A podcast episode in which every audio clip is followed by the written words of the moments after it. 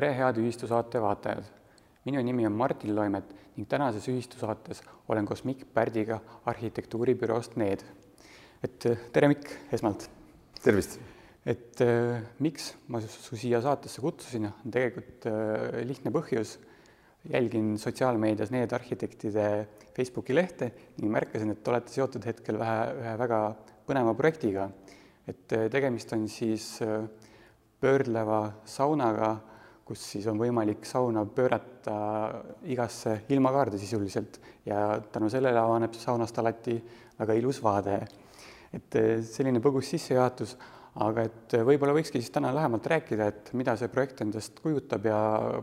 kust selline idee tuli ja kui kaugele hetkel olete projektiga jõudnud. et eh,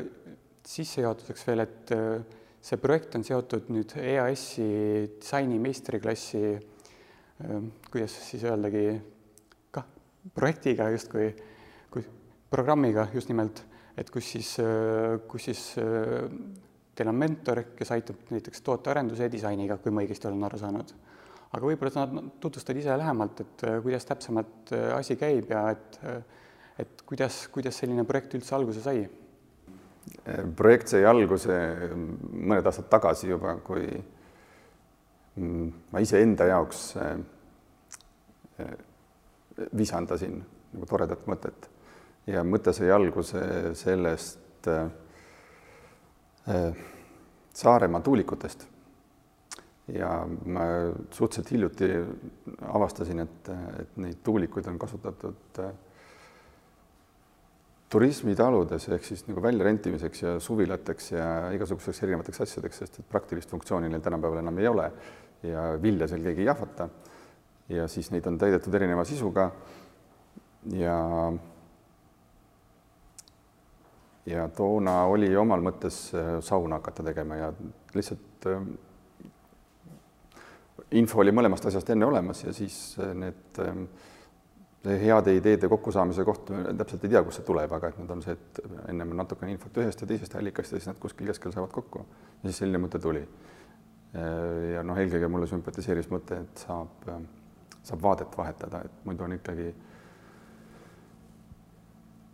noh, eriti ilusa koha peale ehitades on see, et vaade ei ole ainult nagu ühes suunas hea, et linnas on sageli see, et sa pead paigutama maja selliselt, et noh, et tänavalt keegi sisse ei vaataks või naaber ei vaataks ja siis sa paned selle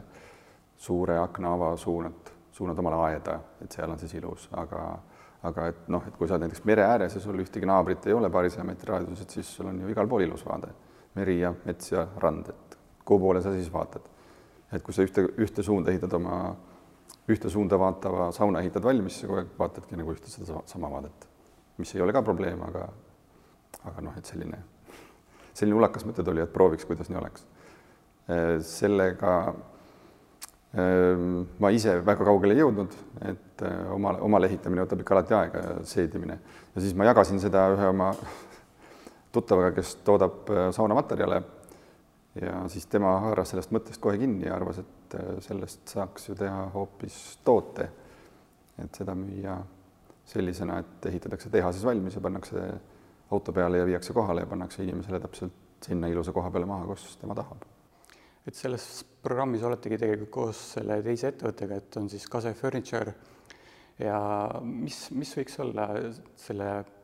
no võib-olla lähmegi natukene lähemale sellele programmile, et see on tegelikult päris huvitav asi, kus te osa võtsite, et mis võis olla peamiseks ajendiks, et just selles programmis osaleda, et põhimõtteliselt on võimalik ka ju toodet arendada ise omakeskis, aga millised olid peamised ootused võib-olla selle, selle EAS-i meistri, meistriprogrammi Eh, osalemise osas, et? see mõte tuli, tuli nüüd selle ettevõtmise nagu teise, teiselt poolt, et eh, minu jaoks oli lihtsalt nagu see huvitav mõte, mina jagasin ja tema mõtles, et tema hakkab tegema, aga siis eh, tema otsib alati innukalt erinevaid võimalusi, kuidas, kuidas väljaspoolt veel toetust saada ja, ja sealjuures olid tema, ma tegelikult ei oska öelda, mis, mis teda ajendas, et millest see inspiratsioon tuli, aga ta leidis, et EAS-il on selline toetusprogramm olemas ja, ja siis ta mõtles, et võiks proovida. see, mida see disaini meistriklass äh, püüab teha, ähm, nii nagu mina sellest aru sain, siis disaini meistriklassi mõte on toetada äh, potentsiaalselt äh, eksportima hakkavaid ettevõtteid. seal on vist küll programmi sõnastuses on kirjas, et juba peab olema vähemalt kolm aastat tegutsenud ja, ja eks, eksportinud ehk siis nagu eksportiv ettevõte. ja et kui tahavad arendada mingeid tooteid lisaks või siis olemasolevat teenust või toodet, noh, mida tahes, et siis äh, see disaini meistriklass pakub siis mm, kogenud disainerite juhendamisel olemasolevate toodete arendamist. Ja selle noh, see võib tunduda mõneti mm, kummaline või segane, et miks peaks siis veel tootearendajal olema veel keegi juhendaja, on ju, et kui nad juba midagi teevad, aga see põhjus on sageli selles, et äh, eriti just tootjad või teenusepakkujad, kes äh, paiknevad väljaspool Tallinnat, siis seal on igasuguste selliste teenuste kättesaadavus nullilähedane. Äh, tootedisainereid ähm,, äh, ka teenusedisainereid, äh, veebidisainereid, keda kõike äh, põhimõtteliselt mingisuguses äh, Eesti väikelinnas põhimõtteliselt ei ole. Äh, ja kõik need ettevõtted, kes selliste asjadega tegutsevad, on noh, kui nüüd lihtsalt aadressi läbi sirvida, siis nad on kõik Tallinnas. Äh, sageli on küll see, et mõned nende töötajad võivad paikneda kusagil mujal ja võib-olla ka mingeid väiksemaid ettevõtteid üle Eesti laiali ka, aga noh, see on pigem selline marginaalne nähtus, et nad kõik on seal. Ja siis teine asi selle juures, et sageli need, kes ettevõtetes teenuste arendamisega tegelevad, on äh, ettevõtjad või siis äh, sekretärid või juhiabid või noh, keegi tegelikult, kes, äh, kelle jaoks ei ole üldse selline nagu põhitegevus, ta ei ole sellist asja kunagi koolis õppinudki ja et noh, iseenesest võib ju proovida teha erinevaid asju ja, ja väga sageli inimestel tuleb väga ägedaid asju välja. aga see, mida disaini meistriklass tegi, oli ähm, juhendas natukene nagu seda rada, et kuidas disainerid neid asju teevad milliseid äh, töömeetodeid nad kasutavad, nad ise nimetavad neid tööriistadeks, aga noh, need ei ole reaalselt sellised äh, rauast ja puust äh, töövahendid, vaid et need on ikkagi noh, palju igasuguseid skeeme ja koostöövorme ja, ja siis ankeete ja küsitlusi ja ja erinevaid nagu töölehti, mida sa saad erineval moel täita ja siis kustutada ja lisada ja vähemaks võtta ja intervjuude meetodil, noh, neid oli tegelikult tohutult palju. ma saan aru, et teil oli ka tegelikult personaalne mentor oligi et äh, kuidas, kuidas koostöö temaga sujus ja et kui palju, kui palju siis ütleme otse abi selles mõttes või, või värsket vaadet tänu temale juurde tuli selle projekti peale või kui, kui palju näiteks äh, muutus võib-olla see toote disain äh, võrreldes sellega, mis oli algselt teie nägemus ja võib-olla pärast, kui see programm oli läbi saanud, et, et millist, millist mõju tema teile avaldas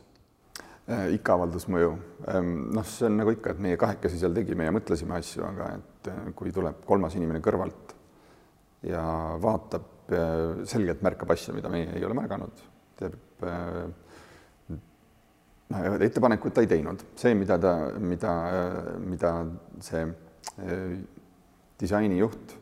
teeb, on see, et noh, eriti seal programmis oli, rõhutati seda korduvalt, et tema ei tule teie eest disainima ega mingeid asju ära tegema. tema ainult juhendab ja see juhendamine paljuski seisneb sellises äh, lihtsas, äärmiselt labases, aga hästi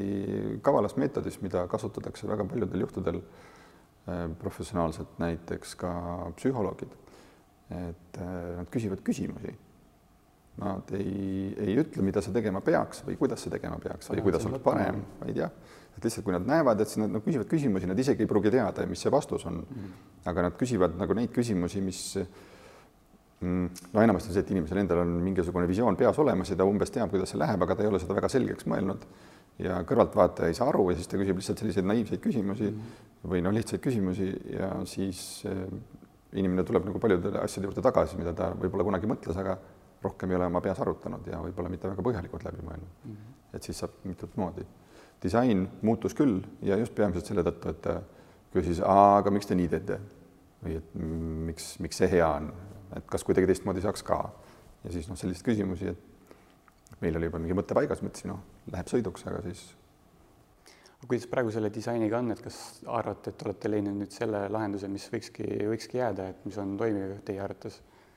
mm,? Äh, suures plaanis jah äh,. ma arvan, et hästi palju asju äh, laheneb äh, just sellises detailis, laheneb töö käigus, siis kui on reaalselt vaja võtta saag ja kruvi äh, ja need asjad nagu kokku panna, et siis vaatad, et kuidas see siit nüüd peaks minema ja noh, selliseid lahendusi veel, veel seal töö käigus kindlasti sünnib veel mitu. see on hea, et sa mainisid just seda tehnilist poolt, et tegelikult ma tahtsingi küsida ka seda, et et äh, pöörlev saun, et noh, sest see ütleb kohe ära, et see ei ole tegelikult lihtne projekt, et et äh, kui suur väljakutse siis sinu enda jaoks on olnud äh, nii idee poolest, et neid asju välja mõelda, aga puhtalt ka, et mis võimalused tehniliselt seda asja lahendada on, et kuidas sellega on? mina ei mõelnud seda tehnilist poolt äh, ausalt öeldes nagu üldse läbi, kui ma seda tegema hakkasin, ma teadsin, noh, et kui sul on tahtmine midagi saada, siis kindlasti on olemas ka viis, kuidas seda saavutada ehm,. et Meelis Rull, kes on selle teise ettevõtte juht ja omanik, siis tema, temal tekkis kohe hulganisti mõtteid, kuidas seda asja lahendada, alguses hakkas ka nagu sellest pihta, et proovida ise midagi välja mõelda ja keevitada, aga siis äh, jõudis ringi ja tagasi selle juurde, et tegelikult selliseid tehnilisi lahendusi on äh, erinevates kohtades juba hulganisti kasutatud. Ja ja, ja siis nende eeskujude põhjal ta vaataski, et tegelikult on võimalik kasutada ära mõnest äh, teisest tööstusharust üle jäävaid seadmeid. Ma detailsemaks siinkohal ei taha minna, sest et arusaadavalt. et me ei ole veel ise lõpuni lahendusega jõudnud, aga, aga see, see mõte, kuhu tema oma oma rad-, nagu mõte, mõtet pidi nagu välja hakkas jõudma, et see oli väga nutikas. aga pean, pean küsima, et kuna võiks olla see hetk, kui on võimalik juba valmis, valmis sauna käega katsuda ja et kas, kas selle turule tuleku plaan on ikkagi päriselt kindel ja huvilised võivad hakata juba vaikselt mõtlema, et see, huvilised võivad hakata raha koguma ja see on paraku tehniline lahendus dikteerib selle, et see ei saa olema selline äh, soodne sauna variant, et see on ikkagi mm, ikkagi suhteliselt äh, kulukas, et kui me nagu automaailmaga paralleele toome, siis see on selline äh, luksusklassi auto moodi asi juba. et noh, ikkagi see lisab selgelt hinde, et seal on sellised äh, teistmoodi lahendused küljes, et see ei ole kindlasti midagi odavat, aga ähm, rõõmustav on see, et esimesele prototüübile on ostja juba olemas, et sauna ei ehitata nagu tühja koha pealt lihtsalt, et proovida, et kas töötab või mitte, vaid tegelikult konkreetse inimese konkreetsed soovid ja selle põhjal on esimene ehitamisel. Jah, ma kujutan ette kas või enda, enda vaatenurgast, et et tegelikult rääk-, rääkides ka tuttavatega, kes sauna ehitavad endale maa, maakoju, et et ja kellel on näiteks saun järve ääres, siis noh, see järvevaade on lihtsalt nii, nii võimas, et see saunalavalt äh, hea vaade on nii oluline inimeste jaoks ja kellel ongi tõesti maal palju ruumi, et siis, siis see, see loob täiesti uued võimalused, et ma arvan, et see on kindlasti väga populaarne toode saab olema.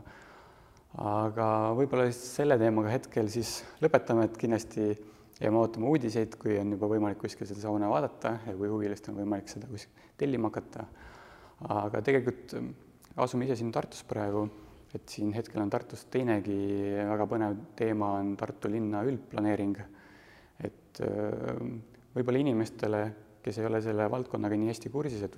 kuidas sa seletaksid, et äh, mis see üldplaneering üldse on, mida see endast kujutab ja mis, mis eesmärgil selliseid üldplaneeringuid äh, tehakse? üldplaneering oma olemuselt määrab ära linna ruumilise arengu kõige suuremas mastaabis, mis saab olla. et sellest me saame kõik aru, et on linn, et see on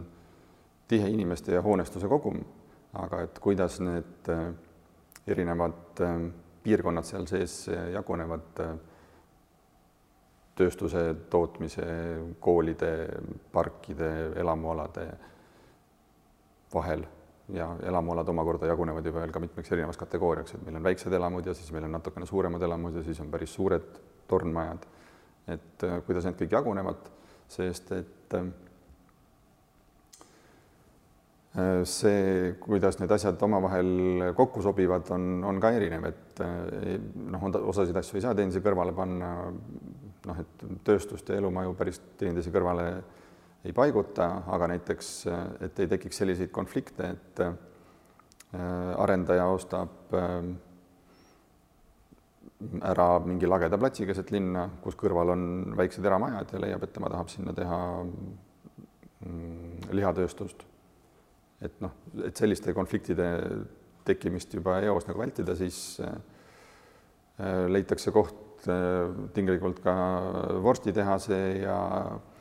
ja tsemenditehase ja elamute ja lasteaia kõige jaoks ja jagada neid loogiliselt ja tagada ka seda, et neil oleks normaalsed liikumisvõimalused nii jalgrataste, autode kui ka rongide või noh, millega tahes. et siis äh,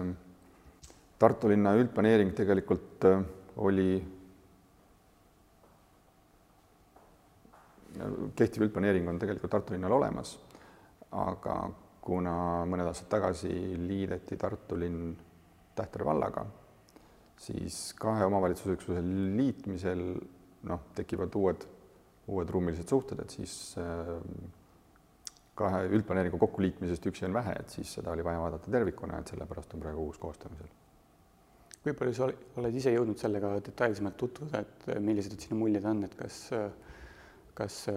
näiteks proportsioonid või asukohad on, on mõistlikult tehtud selles, selles mõttes, et kui, kui palju, kuhu korterelamuid võib tulla, suuremad ehitised, ühiskondlikud hooned, spordihooned näiteks, kui palju on rohelist ala jääb roheliseks, et et kas sa oled ise ka selle pilguga jõudnud seda vaadata või pigem oled vaadanud mingeid konkreetseid, konkreetseid kohti, et noh, seoses näiteks enda, enda, enda töö ja, mõne konkreetse objektiga, et peamiselt on minu huvi olnud üldplaneeringuga seotud äh, ikkagi tellijate mm,, tellijatega seotud küsimustega äh,. ja sellepärast olen ma siis noh, mõnda kohta vaadanud detailsemalt, aga sellisest äh, üldisest üldisest plaanist vaadates mulle tundub, et ega tegelikult nagu väga palju ei muutu. et noh, kui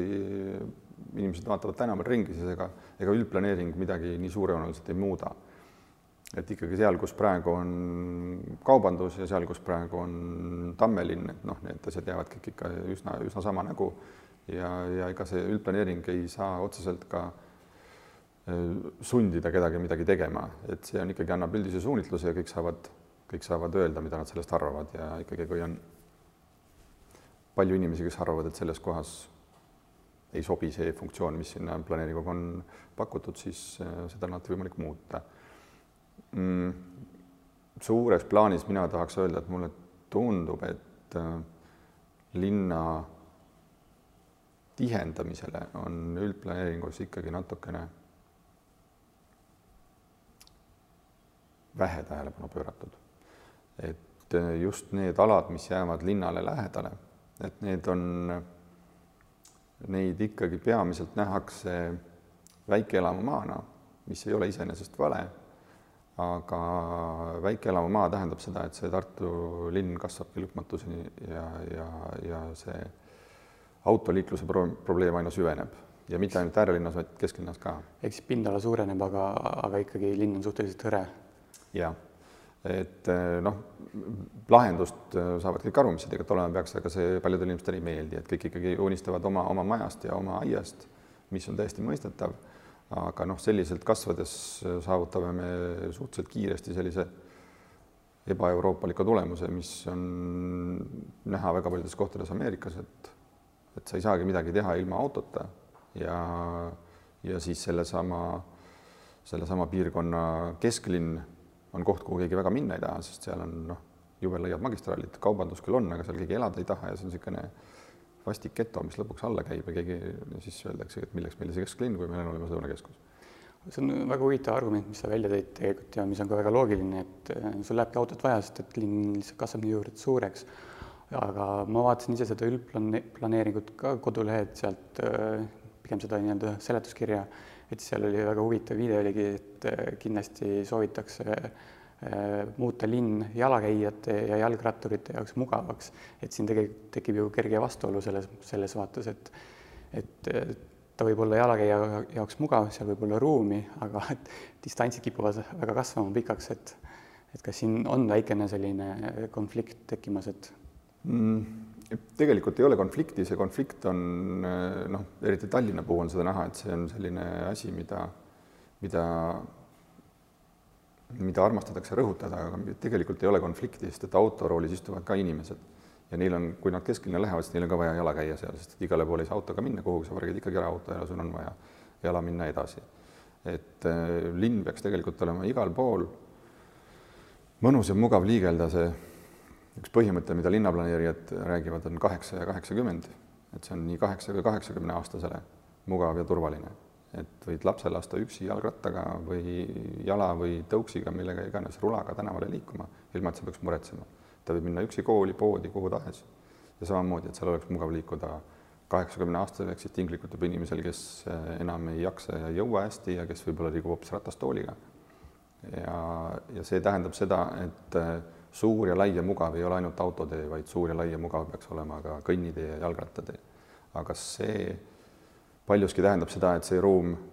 on nendesamade majade vahel, mis meil olemas on ja see tuleb ümber jagada kuidagi teisiti ja inimesed ei taha selle, ei taha seda teha haljastuse arvelt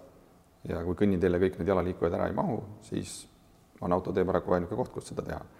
kus seda vähemaks võtta. aga see tingimata ei tähenda seda, et autoradasid vähemaks jääks, mis on alati autoliiklejate see suurim hirm. Et äh, mida, mm, et suur linn ei tähenda tingimata seda, et, äh, et igale poole peab minema autoga ja et igal pool ainult saab käia autoga, sest et Euroopas on küllalt väga suuri linnu, kus on autoga väga ebamugav liigelda, aga ometi on inimesi ja ja, ja kesklinna, no on inimesi palju ja samas on ka kesklinnad vägevad ja säravad. ja seal on paljuski lahenduseks on ühistransport ja just nimelt see, et jala ja jalgrattaga on võimalik liikuda hästi. London. Muidugi selles mõttes on õnneks Tartu veel piisavalt väikene, et ma arvan, et nende, nende suurte probleemidega meil on veel natukene aega. Aga kas see transpordi küsimus ja liiklemise küsimus võikski olla üks peamine, mis tegelikult äh, tavalist inimest tänavalt äh, seoses selle üldplaneeringuga puudutab, et, et äh, linn on nagunii selline koht, et kuhu eramaju näiteks on noh, ruumi on vähe, et on raske leida kohta, kuhu eramaja ehitada. Ja et pigem, pigem see võib-olla puudutab rohkem isegi ettevõtjaid, arendajaid ja nii-öelda ühiskondlike hoonete loomist, et tavalist inimest see noh, puudutab, aga, aga võib-olla mitte nii otseselt. ei noh, tegelikult puudutavad need küsimused ju kõik äh, inimesi kaudsemalt või otsesemalt ikkagi, et, et kus on haridusasutused ja, ja kus on haigla ja kus on, kus on polikliinik ja kuidas ma arsti juurde saan ja kuidas ma toidupoodi saan ja et need asjad mm,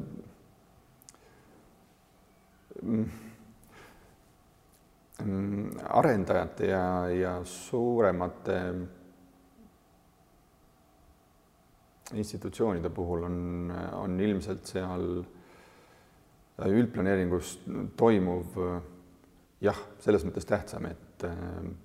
nemad kindlasti vajavad äh, noh, nende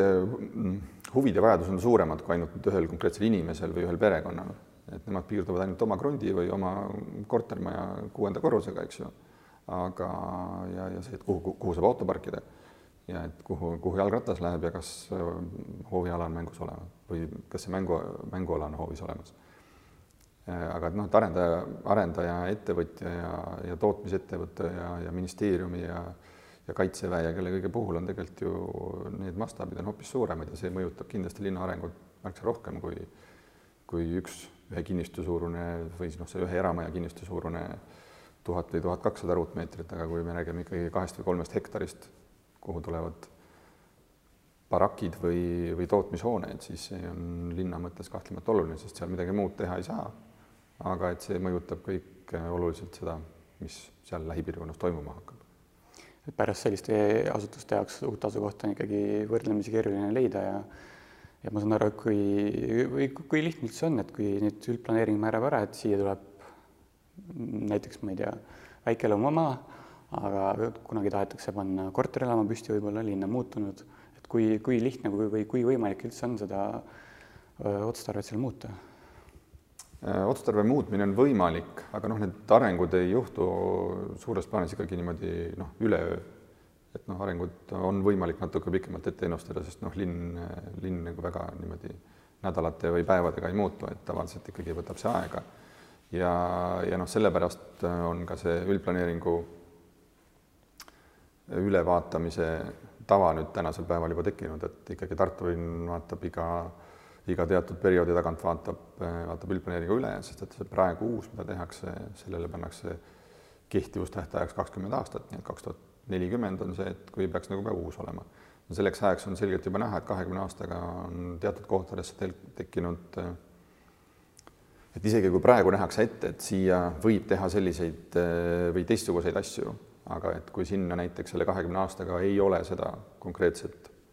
tööstust või uut kortermaja rajatud, saab ringi vaadata. siis saab ringi vaadata ja teine asi ka see, et kui sinna on kerkinud, siis selle ruumi mõju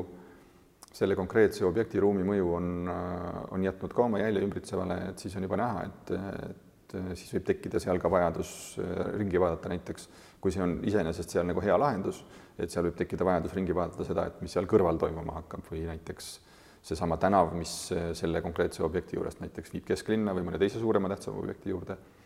et siis mis tolle tänava peal toimuma hakkab, sest sellest tänavast võib saada näiteks hoopis, kui seal on väga palju jalakäijaid, et siis sellest võib saada väga aktiivne äritänav näiteks aga kui seal on senini olnud näiteks eramajad või mingi mööblikombinaat servas, et siis äh, on sealsetel, sealsetel krundiomanikel võimalus nagu mõelda, et võib-olla nad tahavad oma nende kinnistutega midagi muud peale hakata, sest et väga palju jalakäijaid äh, noh, magamistoa akna all ei ole nagu tore, aga teisalt, kui selle magamistoa asemele saab teha näiteks kohviku, siis see on jälle suurepärane, eks.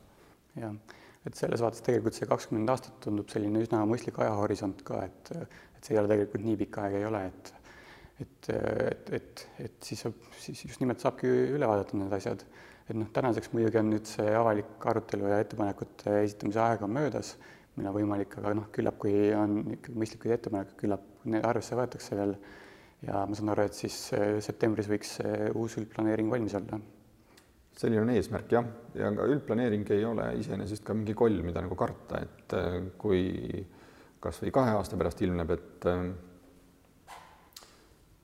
mingis konkreetses kohas on tarvis äh, siiski hoopis muud funktsiooni või on vaja seda funktsiooni natukene täiendada või kohendada. et siis äh, üldplaneeringu muutmiseks on võimalik kasutada ka detailplaneeringut, seda ei, see ei ole nagu soositud, aga detailplaneeringud, mis reeglina puudutavad väiksemaid piirkondi või siis ka konkreetselt ühte krunti et äh, nende koostamise raames on võimalik esitada ka ettepanekuid üldplaneeringus määratud funktsiooni muutmiseks. et see küll tähendab, et detailplaneering võtab natukene kauem aega ja ega keegi seda hea meelega ei taha, sest et suur poliitiline otsus on juba varem ära tehtud. aga üldiselt on üldplaneeringu muutmine läbi detailplaneeringu kah võimalik, et seda Eesti seadused võimaldavad. aga see kindlasti ei ole nagu esimene tee, mille, mis kaudu nagu minna, kui on teada, et on tarvis muuta, siis mõistlik on seda ettepanekuid, eks ju, esitada praegu jah, aga ootame ja vaatame, mis sellest üldplaneeringust saab ja kuidas meie linn hakkab tulevikus välja nägema. aga sellega tõmbaks siis tänase saate otsad kokku, et aitäh, et tulid saatesse, olid põnevad teemad. Ja aitäh ka kõigile vaatajatele ja kohtume juba järgmises ühistusaates